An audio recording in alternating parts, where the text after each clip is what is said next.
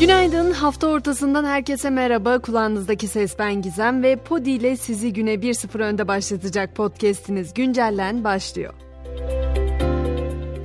Seçimlere artık çok az bir zaman kaldı ve bu süre zarfında biraz daha siyaset konuşmaya devam edeceğiz. Ata İttifakı'nın dağılması ve ardından Sinan Oğan'ın Cumhur İttifakı'nı destekleyeceği açıklamasından sonra gözler Zafer Partisi'ne çevrildi. Zafer Partisi lideri Ümit Özdağ ile Millet İttifakı'nın Cumhurbaşkanı adayı Kemal Kılıçdaroğlu dün akşam bir kez daha bir araya geldi. Mutabakat metni üzerinde çalıştıkları belirtilen liderlerin detayları bugün saat 11'de paylaşması bekleniyor.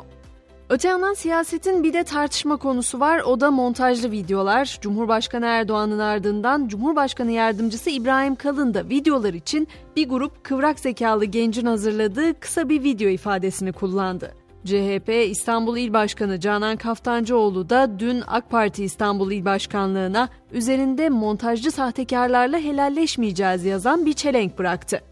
Aynı konuda Kılıçdaroğlu'ndan da yeni açıklamalar var. Kılıçdaroğlu montaj videolarla kendisine hedef alan Cumhurbaşkanı Erdoğan'a niye iftira atıyorsun? Kandilin anahtarı senin cebinde, telefonlar senin cebinde diye seslendi.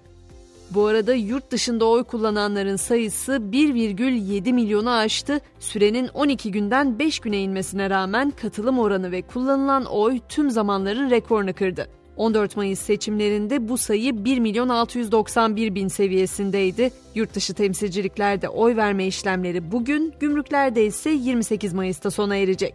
Hemen biraz da yargı koridorlarında dolanalım. Diyanet İşleri İstanbul Sultan Gazi'de seçim akşamı herkesi silahlanmaya çağıran cami imamı Murat Gündoğdu hakkında soruşturma başlattı. Cuma hutbesinde sarf ettiği o görüntülerin sosyal medyada yayınlanmasının ardından başlatılan soruşturma kapsamında imam açığa alındı. Huysuz virjin olarak tanınan sanatçı Seyfi Dursunoğlu'nun ise miras davasında karar çıktı.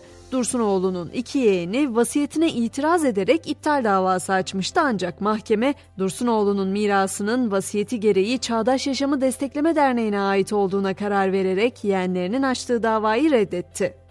Yurttan son haberimsi sosyal medya ile ilgili olacak. Global alkollü içecek markalarının Twitter hesaplarının Türkiye'deki kullanıcılar tarafından takip edilmesi yasaklandı. Kullanıcılar bu hesapları takip etmek istediğinde karşılarına bu hesap Türkiye içinden takip edilemez uyarısı çıkıyor. Dünyadaki yolculuğumuzda ilk durağımız İngiltere olacak. İngiltere hükümetinin getirdiği göçmenlik kısıtlaması kapsamında birçoğu yüksek lisans derecesinde eğitim görmeye gelen yabancı öğrenciler artık aile üyelerini getiremeyecek. Kısıtlama duyurusu ülkeye yasal yollardan giriş yapan göçmen sayısına ilişkin resmi rakamların açıklanacağı perşembe gününden önce yapıldı. İngiltere'ye yasal göçün bu yıl 700 bine ulaşarak rekor kırdığı belirtiliyor.